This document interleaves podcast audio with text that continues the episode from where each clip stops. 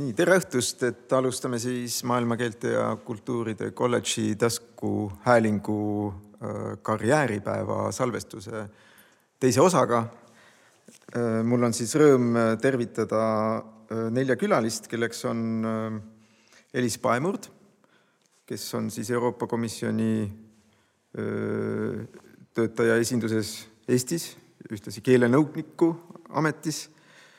meil on Pille Põiklik kes esindab siis Haridus- ja Teadusministeeriumi meil, keelepoliitika osakonna peaekspert. Maili Koorep, kes tuleb Tartu Erakoolist ja Liis Uibo-Upin, kes juhatab Norra keelekeskust Tartus, on siis täpselt nii. et ma alustan sellise esimese üldisema küsimusega, pärast lähme sarnaste teemadega edasi, aga esimene küsimus on see, et kas teil eelmisest vestlusest jäi midagi kripeldama või midagi tahaksite lisada või, või siis ka varasemast kohtumistest tudengitega, et mis teile selleks hetkeks praegu siin on, on tundunud, mis, mis jääb nagu pinnale? minule kindlasti jäi see lõputemaatika, mis puudutab ähm, seda tasakaalu töö ja oma eluga ja ka see vaimse tervise küsimus, et ma arvan, et need väga pingelised viimased aastad on selle kõik pinnale toonud ja, ja see ei ole seotud erialaga mm,. ei ole ka üleni seotud sellega, kui palju me just iseennast piitsutame, aga kindlasti on seotud sellega, kui me, kui palju me laseme ennast piitsutada. et ükskõik, mis töökohta tulevikus ka tudengid peavad, et, et need jooned tuleb kõigepealt endal tõmmata sest et äh, keegi vägisi ei tee õhtul seda arvutit kodus lahti sinu eest, et ise võtad selle otsuse vastu. et, äh, et seda tuleb tähele panna, tuleb kogu aeg meeles pidada, et äh, heal juhul tuleb viiskümmend aastat tööd teha. ja et enamasti, kui mingi murdepunkt tuleb, siis ei ole tööandja, kes tuleb ja aitab need tükid kokku panna. et äh, sellised, ma tegelikult ei ole väga sellisele esoteerikale ja, ja tundelisusele kalduv inimene, et väga ehmatav on minu enda jaoks, et ma viimasel ajal palju selliseid lauseid ütlen. aga et tõesti see, see enda valimine ja enda eelistamine, et, et see on, see on enne igasugust eriala ja igasugust töökohta minule jah, ka seesama teema on kindlasti väga oluline, aga mulle jäi veel kõlama see, Äh, universaalsete oskuste vajalikkus tänasel äh, tööturul ja üldse ametikohtade, elukutsete muutumine ja ka seesama küsimus, et mida vastata vanaemale. et äh, vanaema mul küll ei ole, aga paljud sõbrad ei saa ka siiamaani aru, kes ma siis olen või mis ma teen. Et, et ma arvan, et tänapäeval väga paljud elukutsed nõuavadki selliseid universaalseid oskusi, mis on needsamad kolm K-d ja võib-olla veel mõned asjad sinna otsa, et, et kindlasti ülikool võib-olla võiks äh, ka selle koha pealt nagu tudengeid rohkem ette valmistada või siis nendest asjadest vähemalt rohkem rääkida, et tudengid tunneksid ennast kuidagi enesekindlamalt. Ja koostööoskus kindlasti ja, ja omavahel arutlemise oskus, sellepärast et paljudes töökohtades, ükskõik kuhu tööle minna, on ju seda koosolekute pidamisel ja igal pool vaja seda arutlemise oskust. Õnneks mulle tundub, et filoloogi te hulgas see väga suur probleem ei ole, et, et loengu, loengud on vähemalt meil skenuistikas oli see hästi palju võimalik arutleda. Et võib-olla suuremate keelte puhul seda nii palju ei ole, aga see on hästi oluline oskus. no mul tekkis selline hea äratundmine, et kui oluline ikkagi jagada muresid ja rõõme. et kui ma kuulasin Kristinat, et ka nagu õpetaja, et no ma tundsin, ma oleks võinud ise nii nagu sama juttu rääkida. aga on oluline, et me räägime need mõtted nagu välja, et eh, vahel tundub ikka, et sa oled nii üksi oma asjadega. ainult mul on niimoodi. Ei ole, tegelikult väga sarnased mured ja mõtted ja need on küllaltki universaalsed, isegi kui sa ei tunne ennast siis nii erilisena, aga, aga tegelikult on oluline jagada neid asju, nagu me praegu siin teeme. Ma liiguksingi siit sellest enesekriitika punktist ja eneseanalüüsi punktist nüüd sinna ühiskonnakriitika ja ühiskonnaanalüüsi punkti, sest et ühte asja, mida me oma üliõpilastelt ju tahame, et nad mitte lihtsalt elus hästi hakkama ei saaks, et neil oleks hea töö ja, ja hea sissetulek, me tahame, et nad ka sekkuksid sellesse ühiskonda, sellesse maailma ja, ja, ja muudaksid seda maailma. Tartu Ülikoolil vist on kuskil olnud loosung, ma ei tea, see nüüd on vist ära unustatud, aga et muuta maailma. Et, et kuidas teie tunnete, et kas, kas ülikool õhutas teid maailma probleemidesse kriitiliselt suhtuma, kas, kas te lahkusite siit sooviga kirjutada artikkel, minna tribüünile, võtta sõna, esitada enda kandidatuur parlamendivalimistel. Kuidasmoodi humanitaarteaduskond ja, ja, ja meie eriala teid valmistas ette selleks, et, et ühiskonna probleeme esile tuua ja neid võib-olla ka lahendada? kui vastus on ei, siis võib seda ka julgelt öelda mina võin alustada, et lihtsalt mitte seda harjumuseks kujundada, et, et mina saan küll öelda, et valmistas ette, et ähm, rääkides siin nendest seitsmeaastastest karjääridest, mida peab pidama, et minu esimene karjäär oli ju äh, siinsamas instituudis, kolledžis äh, ja see keskendus ju just nimelt sellisele kriitilisele ühiskonna vaatlemisele. Mm, ei, äh, kandidatuuri ei ole seadnud kuhugi pärast seda, aga ma arvan, et, et see saab käia iga töö juurde, et me, et me teeme igat tööd niimoodi, et me ise jääme mingitele väärtustele kindlaks ja, ja, ja katsume oma tegemisi niimoodi sättida, nagu me tahame, et ühiskond oleks, et, et olla, olla siis tõesti neid äh, sõnu, mis on kaasav ja, ja hooliv, arvestav, usaldusväärne, mida võib näha asutuste väärtuste ähm, siis siltidel, aga, aga millel on tegelikult sisu ka väljaspool, väljaspool neid äh, äh loosungeid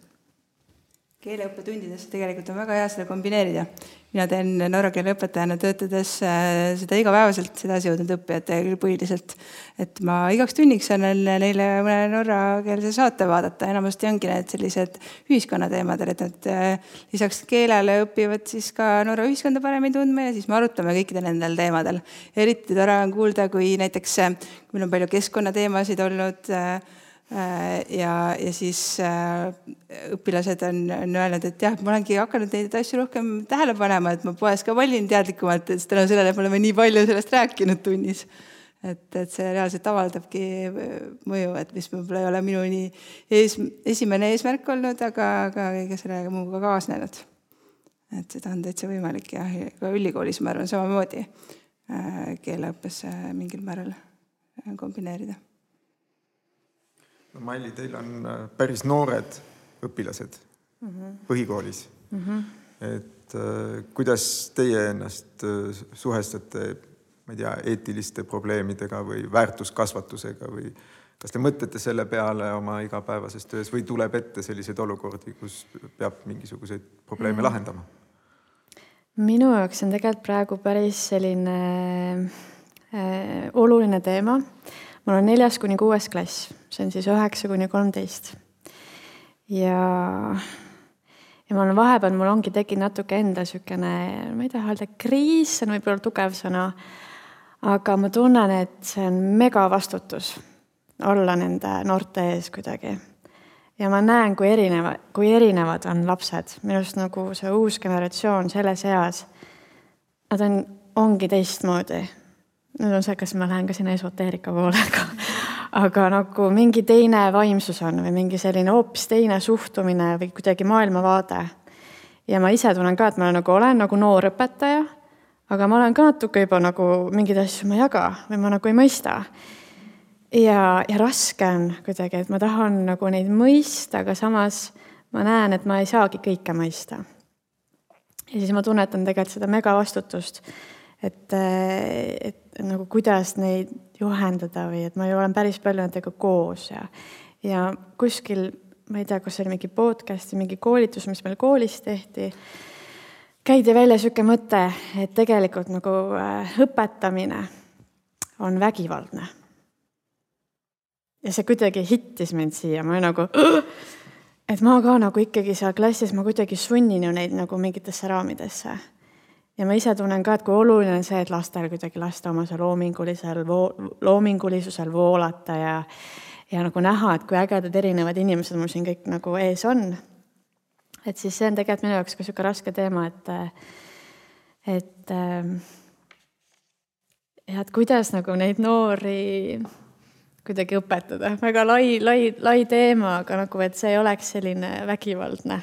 võib-olla sihuke, sihuke mõttetera, jah. Aga samas on põnev, et äh, nagu igav ei hakka jah, no mul, ma ei ole õpetaja, aga mul on endal kodus lapsed just sellises vanuses, et mm -hmm. kus ma nagu ka saan aru, et ma ei mõista neid väga sageli väga paljudes asjades. et äh, kui siin enne oli ka juttu sellest, et meie kool ei ole võib-olla järgi jõudnud sellele, mis päriselt tööturul toimub, et siis, äh, siis ma väga loodan, et see muutus lähiaastatel nagu toimub või selles mõttes, et see muutub natuke paindlikumaks, võib-olla natuke tervik, terviklikumaks, see õpetamine, et ei, et õpetajale antakse võib-olla veidi rohkem vabadust oma õppekava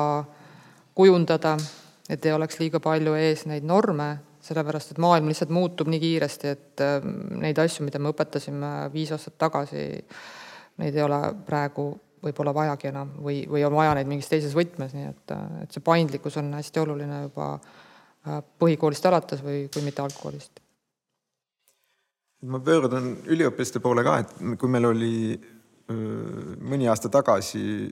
üks öö, vestlussarjade voor, kus me siis arutasime Prantsusmaa mai kuuekümne kaheksanda aasta sündmuste üle ja seal oli jutuks teatud kultuurilised erinevused, mis ühes riigis toovad hästi kiiresti tudengi tänavale, mõnikord seal lõhkuma ja laamendama, politseinikuga kaklema, et e-, Eestis vist on üks, üksainus vägivaldne manifestatsioon olnud üldse ajaloo jooksul. et, et kuidas tudengid, teie poliitiline aktiivne meelsus on või, või mida te enda ümber märkate, et kas teil tekiks tahtmine mingis küsimuses minna tänavale? noh, ma ei mõtle kohe midagi lõhkuma, et võib niisama ka plakatiga minna või ruuporisse hüüda midagi või, või avaldada arvamust. et ma ei mõtle isiklikus plaanis, aga just nagu, kui te mõtlete oma, oma seltskonna peale või inimeste peale, nende tudengite peale, kellega te suhtlete. et milline on tänapäeva tudengi selline poliitaktiivsus või, või võite te öelda, et see ei ole üldse vajalik ja sellel ei olegi mingisugust mõtet? kas keegi tahab kommenteerida, et Lisett on valmis? Lisett võib ise vastata ka sinna mikrofoni. Lisett, mis sa arvad? Ma arvan, et minu poliitiline aktiivsus pole eriti suur. mis ma oskan öelda? kuidas sa seda väljendad? noh, kui üldse, siis võib-olla kuskil äh, perega õhtusöögilauas vahepeal tuleb mõni vaidlus nagu ette, et aga jah, muidu väga mitte. Ma arvan, et ja see on kuidagi väga eestlaslik asi, ma peaks ütlema, et, et poliitiline arvamus tihtipeale mõnes asjas justkui puudub. et mul tuleb meelde, et ühe prantsusest õppejõuga, kes meil on, et tema rääkis ka, et kui Prantsusmaal tõesti kõigil on mingi arvamus mingi asja kohta, mis ühiskonnas toimub siis Eestis väga tihti, kui ta on rääkinud eestlastega, siis justkui ei ole seda, et ma ei tea, millest tuleb, et võib-olla, võib-olla me lihtsalt ei mõtle selle peale nii palju, aga võib-olla me, võib-olla lihtsalt tol hetkel, kui ta nende eestlastega rääkis, nad lihtsalt ei tahtnud oma arvamust avaldada, olid täitsa häbelikud. et ma ei oska nagu väga öelda ju. et natuke piinlik olukord siin. kuidas teistel on, et kas ma lihtsalt küsin sellepärast, et, et mõelda ikkagi nii-öelda pedagoogina või, või mõelda õppejõuna, et äh, kas, kas, kas tudengid, kes siin on, kas teile tunduks, et äh, oleks vaja rohkem poliitilisi teemasid, poliitilisi arutelusid äh, noh, kas abstraktsemal või vähem abstraktsel moel või, või peaks hoidma nii-öelda sellise ühiskondliku poliitilise plaani üldse hariduselust eemal, tegeleme ebareeglipäraste verbidega, need ei lähe väga kiiresti poliitiliseks, võivad minna küll ka, aga kohe kiiresti ei lähe. Kuidas, kuidas teile tundub? Liina ähm,? ma arvan, et või, võib-olla humanitaarteadus, mida saabki pakkuda, on just täpselt see kriitiline mõtlemine, et me pakume pinda, kus arutleda, kus läbi mõelda, aga noh, ülikool eelkõige on haridusasutus, samamoodi nagu üldhariduskoolid on haridusasutused. et igalühel on oma õigus oma arvamusele, kas ülikool peaks suunama tudengeid alati oma arvamust avaldama, noh, see on igaühe enda otsus, aga oskus teksti tõlgendada, oskus ennast väljendada, oskus viisakalt ennast väljendada on võib-olla see, kuhu tuleks rõhku pöörata. Et võõrfiloloogidel on ka väga oluline teada midagi selle riigi poliitikast, mille keelt õpitakse, et see, see peaks kindlasti olema osa, osa äh, ülikooli haridusest äh,. et see on ka seesama kultuuriline taust, et sa tead, millest nende inimestega rääkida ja millest mitte võib-olla, milliseid teemasid vältida. et. Äh, ka tõlkijate puhul on see kultuuritausta äh, tundmine hästi oluline. et äh, see turg, kuhu me seda teksti tõlgime ja ka see, see ütleme siis keel ja see, selle, selle keele taust, mis keelest me tõlgime, et näiteks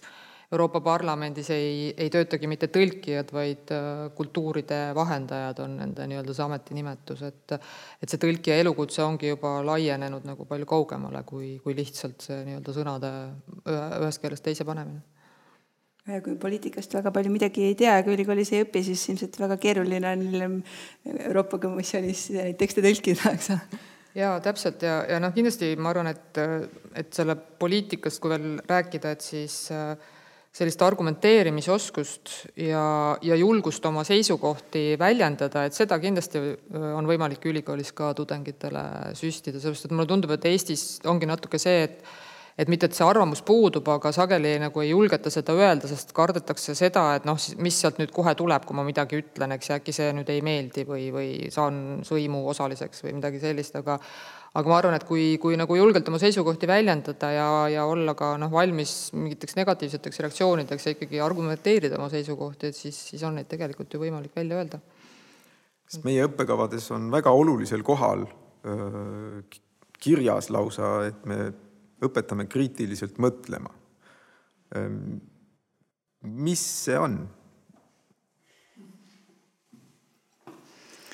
Mm, ma tahtsin võib-olla selle eelneva teema sidumiseks siia, et äh, just selles samas õppekavas, et seal on ju need valikukohad et kus äh, üliõpilane saab ise otsustada, et kas selle aine raames, mingi ühiskonna ja kultuuri aine raames või omal ajal ka, äh, kui mina olin üks õppejõududest, siis kirjutamise raames, et kindlasti ka tänapäeval, et on võimalik tegeleda selle teemaga, mis pigem huvitab, et, et äh, kui, et ma arvan, see on ka üks võimalus leevendada seda väsimust, mida üliõpilane võib tunda, kui aine sees pakutakse talle valikuvabadust, et, et kui me oleme ise valinud mingi koorma, siis ta nagu on natuke natukene kergem. et äh, noh, minule näiteks oleks, sobisidki rohkem just need ühiskonnakriitilised teemad ja oleksin olnud vähem õnnelik, kui oleks äh, väga palju suunatud äh, kirjanduse teemadele, mille vastu mul samuti midagi ei ole. aga et, et see, et see ruum, ruum on olemas seal selles õppekavas ja, ja kriitiline mõtlemine, et eks ta kahjuks hakkab ka sealt, et mille üle ma otsustan kriitiliselt mõelda et just, et mis teemad mind huvitavad, mis teema valin, mis, mille osas ma üldse selle seisukoha kujundan, ma isegi kohati ise arvan, et meil on liigagi palju ühiskonnas neid teemasid, mille kohta peab olema arvamus, et justkui on sobimatu äh, mitte arvata midagi või, või leida, et äh, ma võib-olla ei tea sellest piisavalt. Maili, kas teid õpetati ülikooli ajal kriitiliselt mõtlema? Ja kus mm? -hmm. Taneli loengus tegelikult võib-olla seal on tõde taga ka mingisugune kirjandusteoste üle arutlemine Raili loengus sain plusspunktid mingite teemade üle arutlemine, eks see ongi vist sihuke arutlemine ikka nagu erinevate arvamuste kuulamine, vastuvaidlemine ja, või siis ka lihtsalt see aktiivne kuulamine, et sa saad aru, et ma sellega nõustun, sellega mitte. ja, ja siis hakkavad sul need mõtted seal peas endal ka tekkima, et kuhu poole sina nagu äh, triivid või mitte. aga samas noh, kriitiline mõtlemine. meil koolis on ka see nagu see see nüüdisaegne õpikäsitlus on ju, et õpet-, et äh, peab äh, olema see õpilase autonoomia, et kõik on nagu rohkem õpilase ümber, on ju, mitte ei ole see õpetaja, kes ainult äh, targutab, vaid peab suunama, jah, et minu ülesanne ongi olla suunaja, suunata õpilast ise mõtlema, ise seoseid looma. et see on see väljakutse. et äh, ma arvan, et ma oma kriitilist mõtlemist pean ka tegelikult arendama kogu aeg, et äh, ei saa nagu kuidagi nüüd äh, lõpetasin ülikooli ära, mul on see oskus olemas, ma oskan kriitiliselt mõelda. et, et äh, see on, olen väga teemast ka, mingite teemade puhul mul on väga raske isegi see kriitiline mõtlemine, et kui mul ei ole piisavalt teadmisi, piisavalt nagu aega läbi mõelda asju, siis mul ei tule see kohe niimoodi äh, nipsust. kas siin on ruumis üliõpilasi, kes oskavad kriitiliselt juba mõelda. või peate veel ühe aasta õppima, et siis tuleb kriitilist mõtlemist.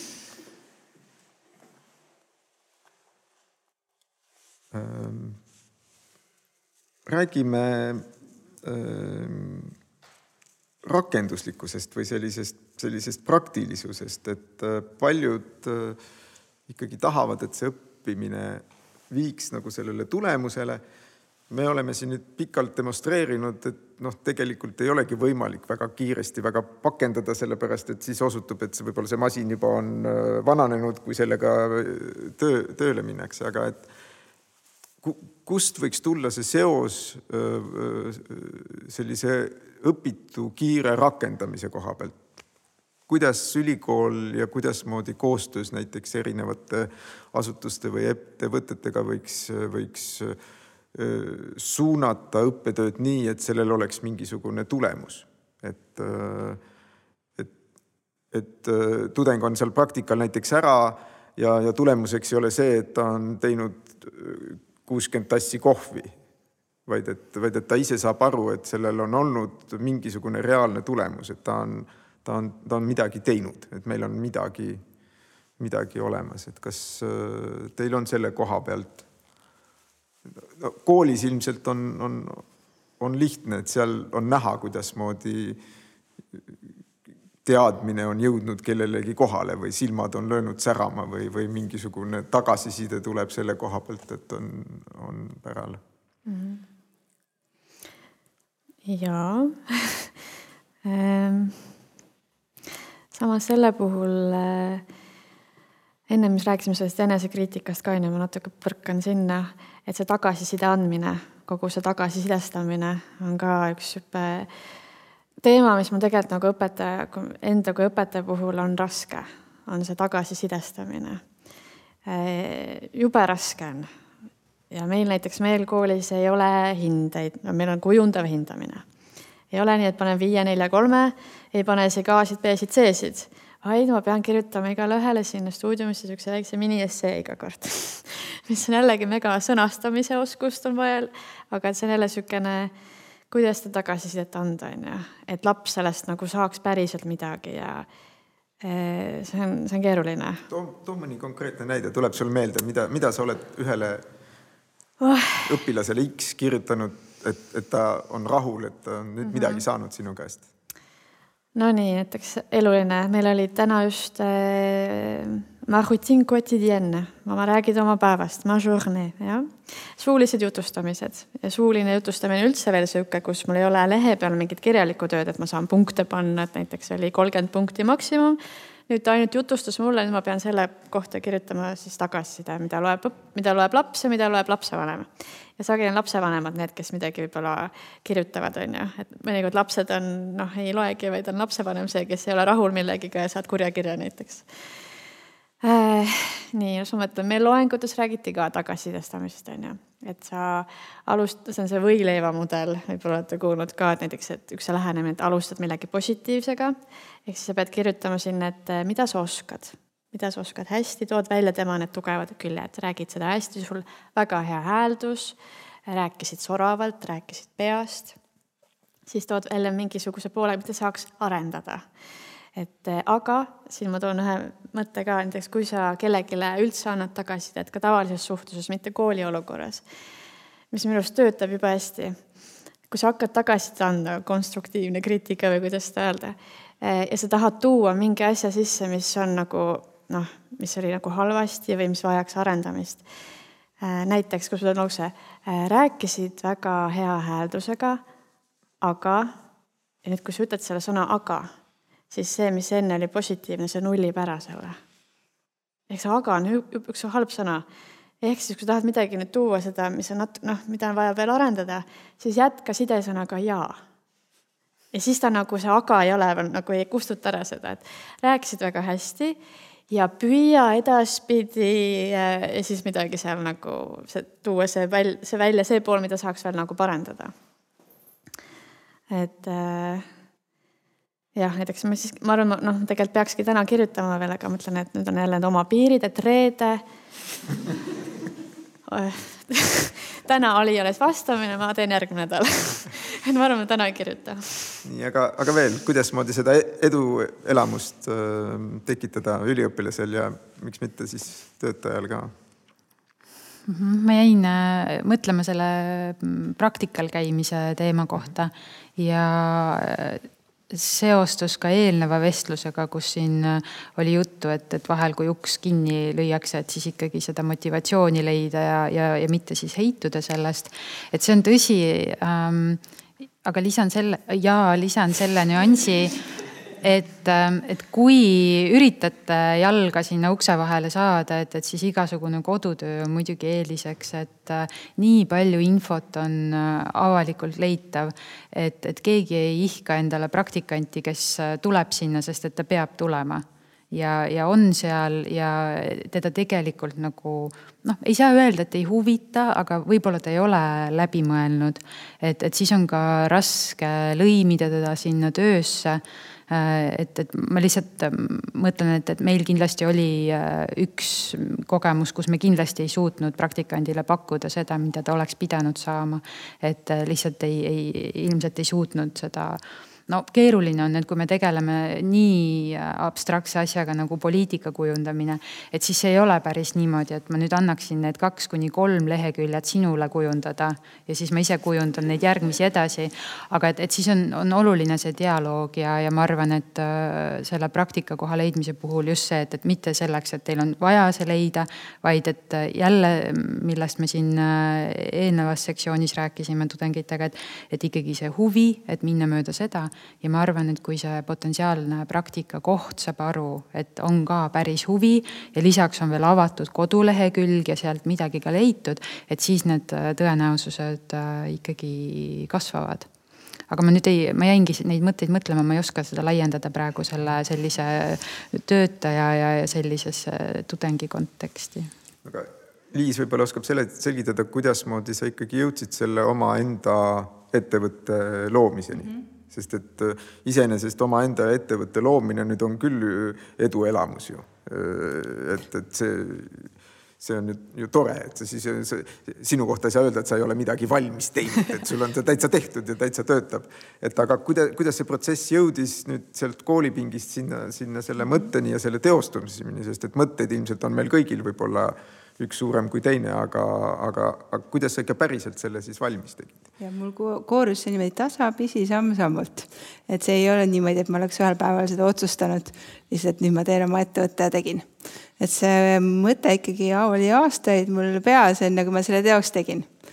äh,. aga, aga miks siis äh,? ma hakkasin juba ülikooli ajal õpetama ja kui ma ülikooli ära lõpetasin, äh, siis õpetasin äh, hommikul enne tööd ja õhtul pärast tööd. Äh, ja muutus üsna koormavaks ja siis ma mõtlesin, et peaks ikkagi valima ja kuna, kuna mulle see õpetamine järjest rohkem hakkas meeldima ja tundus, et sobis ka ja kogu aeg üks taganttõukav faktor oli ka see, et, et ma nägin, et on tohutult huvilisi, et seal on reaalne vajadus olemas. et pidevalt võeti minuga ühendust ja ja paluti, et kas ma ikkagi saaksin õpetada, aga pidin enamasti ära ütlema, et ei saanud rohkem uusi õppijaid juurde võtta, et see oligi selline praktiline turg oli olemas. ja, ja siis pärast seda, kui ma olin paar aastat lastega kodus olnud, siis sellel ajal tegelikult ma mõtlesin juba üsna detailselt läbi kogu oma ärimudeli ja kõik need detailideni täiesti. nii et kui ma lõpuks hakkasin oma äriplaani kirja panema Töötukassa koolituselt, siis, äh, siis mul oli kõik peas juba täiesti detailideni välja mõeldud tegelikult. ja, ja praegult olen sellest äh, suures osas ka lähtunud. Äh, Meelis, kas teil on mõni mõte selle koha pealt või kas sul on mingi mõte selle koha pealt, kuidas, kuidas haridusest jõuda kiiresti tulemuseni, kuidas, kuidas kasutada ära seda ühelt poolt hästi head laiapõhjalist haridust, mis meil võimaldab ajada kombitsaid igale poole, aga noh, samas jällegi kui need kombitsad on igal pool, siis ei tule seda öö, muna. no ma arvan, et siin ei olegi seda vastust vaja kaugelt otsida, et nagu me enne ka tudengitega seal arutasime, et, et see on ikkagi see enda soov, nii-öelda enda initsiatiiv, et ma arvan, et kui tudeng on ise initsiatiivikas ja kui tal on omal mingid mõtted ja kui ta pöördub kas või nõu küsimiseks õppejõu poole või, või mõne, ma ei tea, teiste tudengitega omavahel arutatakse, et, et head ideed noh, tavaliselt ikkagi leiavad realiseerimist, et selles mõttes ma arvan, et kõige tähtsam on see enda soov ja nagu äh, see mõistmine, et, et tulevik on minu kätes, et see, see, see on tegelikult minu teha ikkagi suures osas. jah, väga äh, palju mängivad äh, rolli ka juhused, kõiki, iga inimese elus, ma arvan, on mingeid juhuseid, kus me oleme sattunud just mingisugusel õigel ajal kuskile ja sealt edasi liikunud, aga, aga ma arvan, et väga palju peab ikkagi inimene ise ära tegema vot see, see lause, et äh, head ideed vajavad realiseerimist või, või on, on, võimaldavad äh, realiseeruda. nüüd on hea võimalus astuda samm tagasi, et kust need head ideed tulevad, sellepärast et äh, selleks on neid häid ideid vaja. mulle tundub, et meil on ikkagi õppekavades või ka selles õppetöös ei pea olema õppekava küsimus otseselt, natukene ikkagi vähevõitu loomingulisust. sest loomingulisus võiks olla see, mis, mis annab võimaluse neid ideid tekitada, kui ei ole loomingulist mõtlemist, siis ju need ideed ei tule, et kuidas, kuidas teile tundub, kui palju loomingulisust teil igapäevaselt vaja läheb või on läinud ja, ja kas, kas õppekavad ja ülikool peaks seda loomingulist mõtlemist rohkem toetama või, või, või oli seda juba piisavalt ja, ja saigi seda rakendada, aga ma ei tea täpselt teie kursuste sisu? just esmaoluline ongi luua soodne keskkond, et oleks võimalik loominguline olla.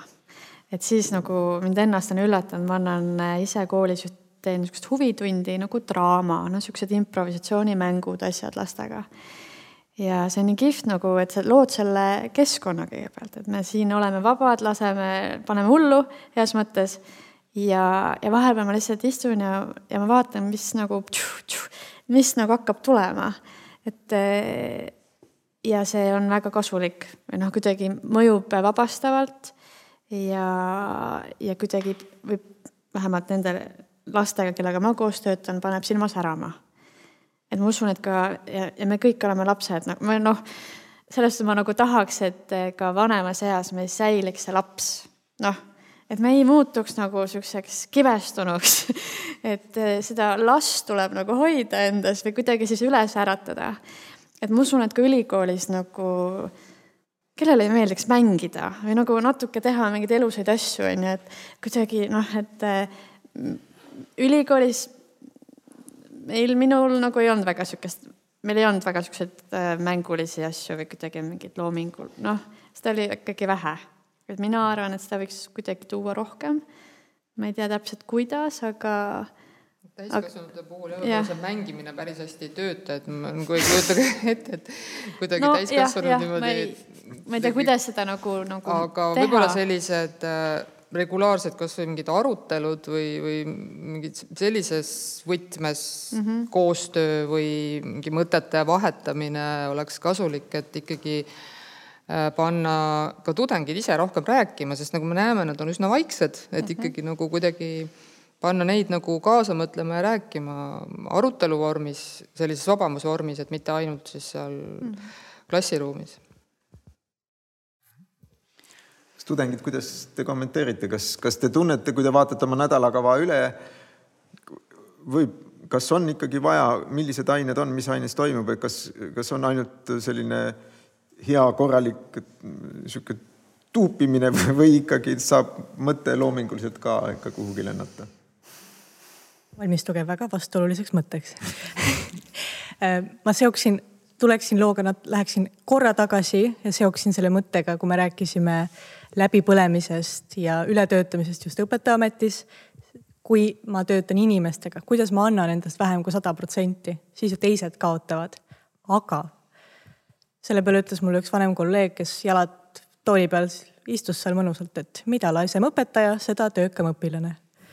et üliõpilased samamoodi tahavad sisendit, nad ootavad, et lektor neile annaks, nad ootavad, et noh, kus on see praktilisem pool, mis ma nüüd teen, mis ma, mis nüüd saab, kuhu ma lähen. et kui me räägime haridussüsteemis ka, et, et lapsed peaksid saama lihtsalt rohkem mängida, mitte sõna otseses mõttes mängime monopoli, vaid me räägime sellest vabast juhendamata ajast, kus õpilane või laps ise mõtleb, mida ta nüüd järgmiseks teeb, ilma et keegi talle ütleks, mida ta teeb. aga õpilased ka ootavad seda sisendilt ülikoolilt ja ülikool pakub seda sisendit, aga siis lõpuks on see, et keegi ei ole motiveeritud, sest kõik valivad mingisuguse valiku vahelt. ometigi nad tunnevad, et neil ei ole valikut, ometigi see on neile kuidagi peale surutud. ma valin nende mingisuguste ainete vahelt, sest midagi ma ju pean valima, ma pean saama selle kuuskümmend EAP-d täis aga see on ka ülikoolile väga noh, väga raske küsimus, et ühelt poolt tuleb, ühelt poolt tuleb pakkuda ja noh, tunniplaan peab olema, aga teiselt poolt, kuidas sa saad pakkuda loomingulisust, kui see on tegelikult täiesti ette määratud? väga hea küsimus, kas on veel äkki kellelgi märkus selle kohta, sest et tegelikult äh, loomingulisus peaks olema kõikide õppekavade nagu üks kõige olulisematest väljunditest, kogu see õppetöö peaks minema teadmiselt oskusele ja oskuselt seda, oskuselt seda oskust väljendada ja väljenduseks noh, ilma loomingulisuseta ei olegi võimalik ennast väljendada. et äh, kuidas teil tunne on? võib-olla ütlete mulle, et ei, ei, mingit loomingulisust me ei taha sellist.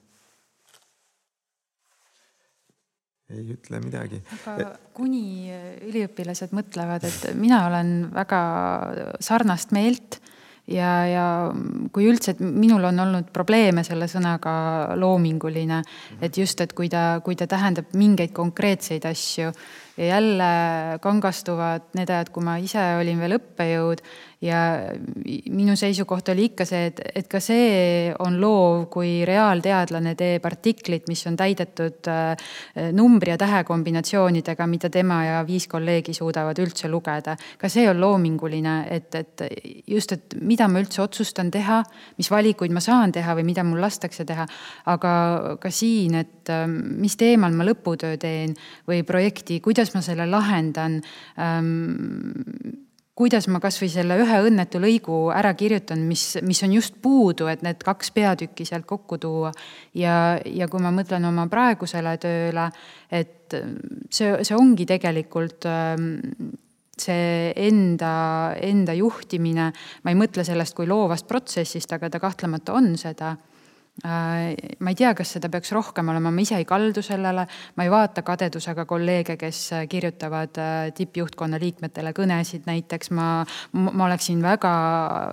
murelik, kui mina peaksin seda ülesannet täitma, sest et ma ei suuda kõnesid ka endale kirjutada. et aga, aga ma ei ole nõus tunnistama, et ma selle võrra ei ole loov inimene, et ma lihtsalt teen seda mingil muul moel. aga kahjuks sageli raamides jah, et äh, nii on ja, ja ma ka ei mõelnud loomingulisuse all äh, seda, et me hakkame maalima ja äh,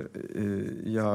laulma, aga et noh, ilmselt ka essee äh, koostamine on, on, on, on loominguline tegevus. Ma liigungi siit, ahah, sealt tuleb üks märkus, jah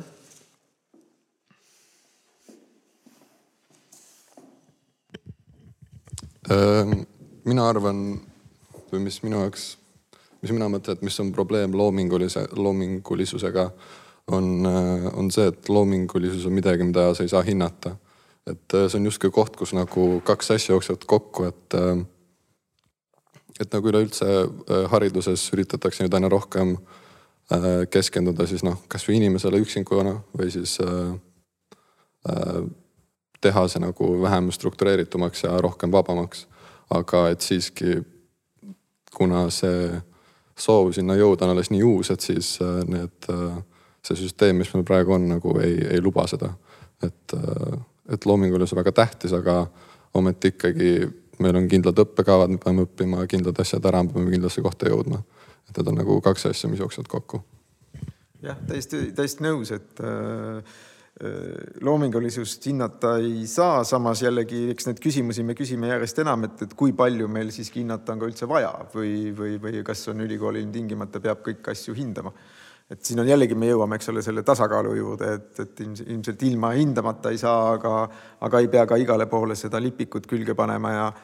ja Maili just hästi rääkis, et kuidas saab seda tagasisidet anda nende võileiva vormis ilma traumeerimata ja, ja, ja arendavalt. ma jõuangi nüüd viimase punktini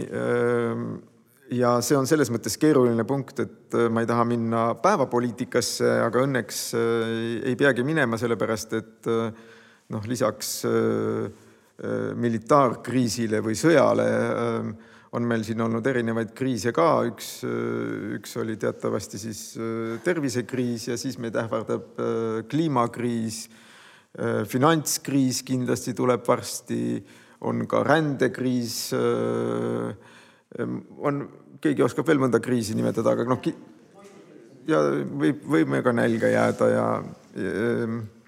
igasuguseid muid hädasid, et, et minu jaoks kogu sellest tänasest vestlusest äh, koorub üks teatud äh, vastuolu. Äh, et me, ma kuulsin väga palju sõnas, sõnu nagu mina, ise, indiviid, ise hakkama saamine, ise arenemine oma enda eesmärk, isiklik motivatsioon, individuaalne õpitee on meil selline kontseptsioon. et need on kõik hästi individualistlikud lähenemised, see on lähenemine haridusele indiviidipõhiselt. Nüüdisaegne õpikäsitlus, öeldi siin korduvalt, mis on suunatud õppija kesksele lähenemisele aga kõik see õppijakeskne äh, on paraku ähm, välja mõeldud äh, sellel ajal, kui neid kriise oli natukene vähem või igal juhul ei olnud nad kõik korraga ja, ja, ja siis need kriisid kõik tulid, aga individuaalne õppija käsitlus on jäänud. Et mulle tundub, et äh, et väga indiviidikeskne lähenemine selles olukorras, kus äh, pommid langevad või, või kus tuleb karantiini minna või, või kus tuleb öö, äh, hoolitseda naabrite eest, et, et mul on pakk kõrsikuid, aga, aga äkki sul on vett. et, et, et see kollektiivne öö, pool on, on jäänud selles õpikäsitluses vajaka. üksteisest hoolimine kollektiivsed tegevused, kogukondlikud arengud. mul, minu jaoks oli väga selline huvitavalt selline valgustuslik see, kui, kui Prantsusmaal esimesed need kriisi, viirusekriisi momendid tõid kaasa üliõpilasrühmitusi, kes tulid kokku, et hoolitseda üksteise vaimse tervise eest et moodustada kogukondi ja ära tunda neid üksikuid, kes on, kes on jäänud millegipärast nagu omaenda probleemidega üksi, kes peavad üksi kodus olema. prantslase jaoks kõige õudsem asi on, kui inimene peab üksi kodus sööma. see, see on, see on, see on üksilduse tipp, et see, et, et siis nad käisid ja otsisid neid üksikuid inimesi üles ja sõid nendega koos. et, et aga Eestis midagi sellist ei tekkinud et, et meil, meil ilmselt ongi, meie kultuur ongi oma juba loomu poolest individualistlik, aga nendes kriisides me ei saa üksi igaüks hakkama, isegi kui meid on õpetatud väga hoolikalt, et iseendaga hakkama saamine on hea. aga vaat kriisis ei ole, kriisis on vaja kedagi teist. et, et mida te sellest mõtlete, kui palju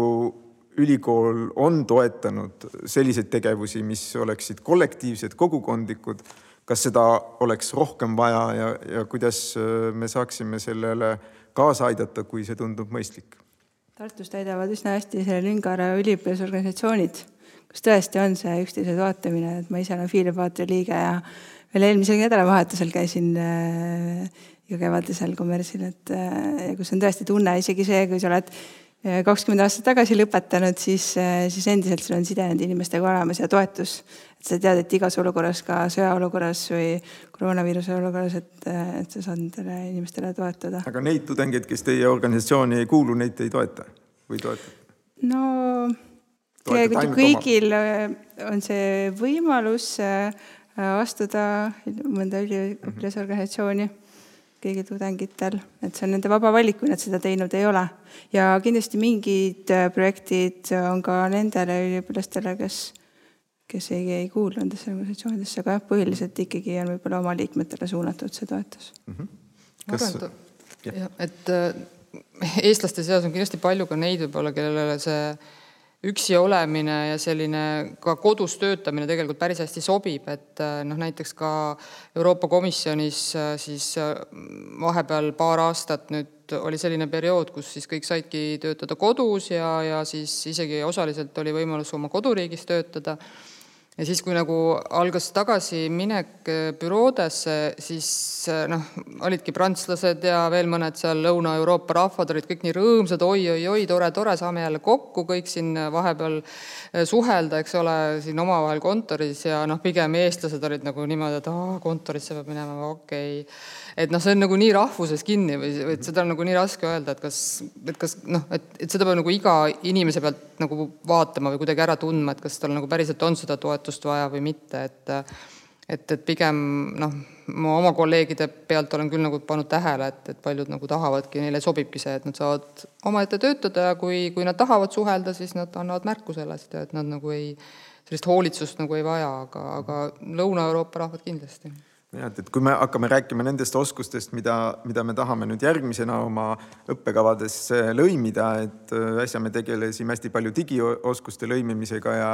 ja siis tänu siis äh, issandale jumalale tuli see viirus, mis meid äh, kõvasti aitas sellel teel et siis äh, järgmine plaan on meil äh, roheoskused ehk siis äh, mõtlemine selles kontekstis, kuidas kliimakriisiga hakkama saada. siin see individuaalsus vist nagu paraku ei aita, et kui igaüks oma prügi õigesse kohta viib, siis sellest on ka vähe no ma arvan, et see on algus, see on väga oluline algus, et kui igaüks paneks oma prügi õigesse kohta, siis see oleks suur asi juba et Näiteks. see minu arust need roheprobleemide lahendamine, see on just see, mis algab igast inimesest ja siis me sealt saame edasi liikuda nagu pere tasandile ja siis ma ei tea, sõpruskonna tasandile, kollektiivi tasandile ja nii edasi mm. -hmm filoloogid saavad tegelikult olla siin selles mõttes ka headeks vahendajateks, nagu minagi tõin näiteks, et ma õpilastele tutvustan neid tehnoloogiaid ja asju, mis, mis Norras hästi toimivad. et päris palju on, on sealt õppida mm. -hmm. mõtlen jah lihtsalt sellele, et ega see individuaalsus, et ta ei pea tulema selle kollektiivi arvelt, et et eks siin lülitub ikkagi see enesereflektsioon ka mm, ja ma mõtlen just see eelnev vestlus ka, et kui oli jutuks, et kuidas mingite läbikukkumistega toime tulla, et, et, et et ka see, et see on selline löök minale ja endaga toimetulemine, aga samas ma läbi selle võiksin ju õppida, et, et kuidas teiste osas siis andestavam olla ja mõelda, et äh, kui keegi teine ebaõnnestub või teeb mingi vea, et siis ma kohtleksin teda natuke lahkemalt, kui ma enda sisemonoloogis kasutan. et ma arvan, et see, kui me ennast hästi tunneme ja ennast hästi juhime, et see ähm, üldsegi ei pruugi põrkuda sellega, et me sealjuures tajume seda, et meil, meil on roll selles kollektiivis ja et meil jätkub empaatia empaatiat seal teistele, teistele inimestele ja muredele ka aga ma, ma toon sulle ühe näite nendest praktikatest, mis meil praegu on. see on nüüd küll seotud loomulikult ka äh, andmekaitsega, aga, aga me ju kõik teame seda, et kui tunnis on kontrolltöö ja siis pannakse hinded, siis tudeng saab teada enda hinde, aga ta ei saa üldjuhul teada teiste hinnet. Väga harva saab ta teada, mida teiste tööde kohta on öeldud, sellepärast et kogu õppesüsteem alates Moodle'ist ongi juba niiviisi kodeeritud, et igaühele läheb see informatsioon ainult indiviidi tasandil. kas seal, kas seal ei oleks näiteks vaja teatud muutust, kui me nüüd oleme siin päev otsa arutanud väga olulistest oskudest, oskustest iseennast näiteks paigutada mingisugusesse mõõtkavasse, iseennast adekvaatselt hinnata, arvata, et võib-olla ma ei olegi nii see klassi kõige nõrgem, sellepärast et mulle tuli kriitiline tagasiside. teised mhm. said kindlasti palju parema mm. -hmm. ma ei ole kindel, et, et seda ei toimu, sellepärast et ja ma isegi arvangi, et needsamad toetavad kogukonnad, et nad ju pigem on seal üliõpilaste tasandil, et noh, võib-olla nüüd on ajad teised, aga õppejõu ja üliõpilase vahel on ikkagi suur veelahe. aga neil on oma kogukonnad, kus ei ole nii suur saladus see, et kes mis hinde sai või mida talle seal töökohta öeldi. et ma arvan, et neil on võimalus saada sellist, sellist kogukondlikku nagu tagasisidet ka. aga no kui see, kui ainetes rohkem oleks seda, et võib-olla koos vaadatakse, et mis seal siis toimus, et noh, mitte nüüd võib-olla kontrolltöö, aga kui on mingi kirjatöö või midagi, et selline ühine, ühine mingite asjade läbivaatamine või ma ei tea, palju on juurutatud nüüd seda üksteise hindamist, et ma näengi teise inimese tööd ja saan midagi arvata et, et ma arvan, et üliõpilastel on need, need kogukonnad olemas, et just kes tahab, et saab olla korbis ja kes tahab, saab leida omale sellise teise ringkonna kuidas üliõpilased kommenteerivad? Liset, kas sa rääkisid, mis sa, mis ma eile kirjutasin sulle kontrolltöö tagasisideks, jutustasid Helenale kohe ümber? jutustasin, veidi jutustasin ja ta noogutab ja natukene. ma ei, ma just tegelikult mõtlesingi selle peale, vot võiks isegi rohkem teinekord rääkida, mida õppejõud räägivad ja, ja nii edasi. et jah kas, kas ülikool võiks äkki selliseid neid õppija kogukondi võib-olla nagu natukene soodustada noh, veidi formaalsemalt ka või, või, või tule, teile tundub, et vähemalt noh, see, see on alati see, et, et puudujate käest küsitakse või tähendab, ole, ole, olevas, olevate kohta küsitakse, et miks te puudute kogu aeg. et eh, siin on ka ilmselt nagu see kogukond on siin juba olemas, et ma ei saa teie käest küsida, et, et kas, kuidas on, et on ju äge kogukonnas olla, aga aga et kuidas te tunnete, et kas te vajaksite võib-olla nagu sellist aktiivsemat öö, koordineerimist, kas te vajaksite, ütleme, selliseid harjutusi, kus te saaksite kollektiivset tagasisidet, kus te saaksite omavahel arutada? ma arvan, et see oleks kindlasti positiivne, kui ülikool seda soodustaks, sest et äh, muidugi noh, kui inimestel on vaja teisi inimesi, siis nad loodetavasti ka leiavad nad ja noh, proovivad neid leida, aga tihti see ei pruugi kõigil nii hästi välja tulla ja eriti ka eriti ka ülikooli kontekstis, kus näiteks enamus loengud võivad olla väga suured, kus äh, sul mingit äh, otsest läbikäimist äh, enda ümber olevate inimestega nagu ei ole. et, et sellises nagu olustikus on raske tekitada endale seda gruppi, sest seega, kui vahepeal on tunnid, kus õhutatakse rohkem mingit grupitööd, et siis see kindlasti aitab kaasa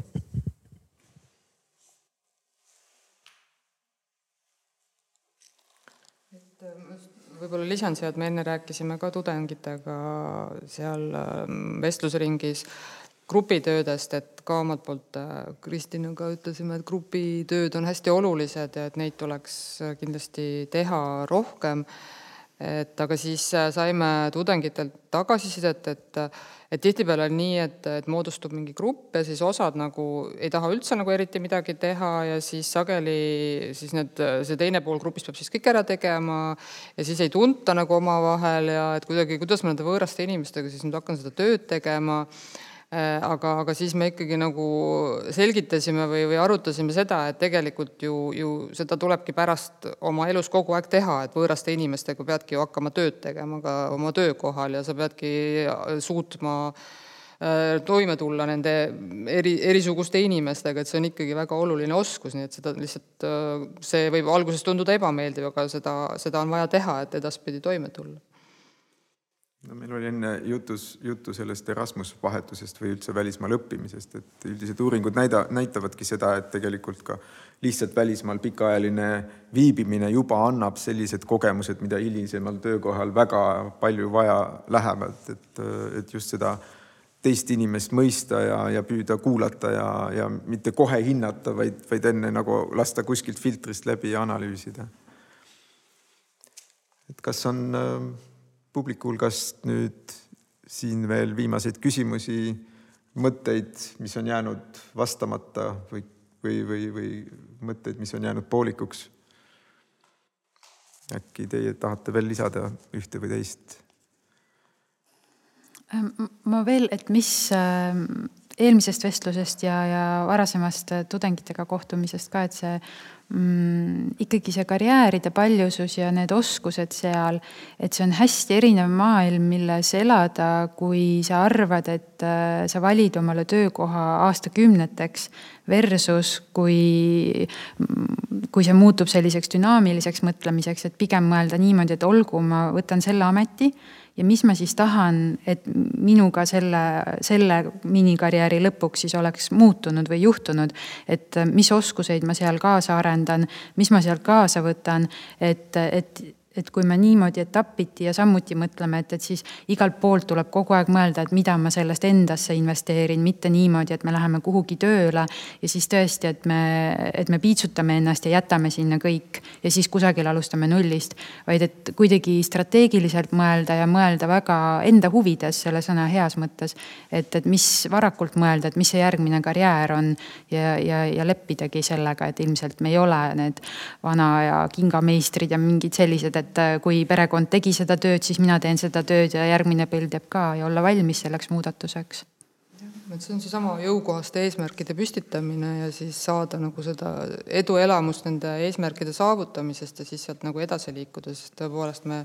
ei, ei, ei vali praegusel ajal enam ameteid terveks eluks, vaid peabki olema valmis muutusteks, muutusteks pidevalt ja kogu aeg. ja mida see sunnib tegema, ma loodan, on see, et kogu aeg tuleb arvet pidada, et mida ma nüüd veel oskan. et sageli on see, et me kuidagi võtame nii iseenesestmõistetavalt seda, mida me päriselt oskame, mida on väga palju ja mõtleme, et kõik teised oskavad kindlasti rohkem, neil on mingid hoopis-täppis teadmised, neil on kõik oskused ja, ja me ei saa tegelikult, me ei oska adekvaatselt hinnata seda, kui palju me oleme tegelikult investeerinud endasse. ja just need, see teadmine, et võib-olla ühel hetkel ma pean ennast jälle müüma hakkama, et, et see sunniks siis äh, järge pidama tegelikult sellele, et mis kogu aeg paraneb minu enda oskustes.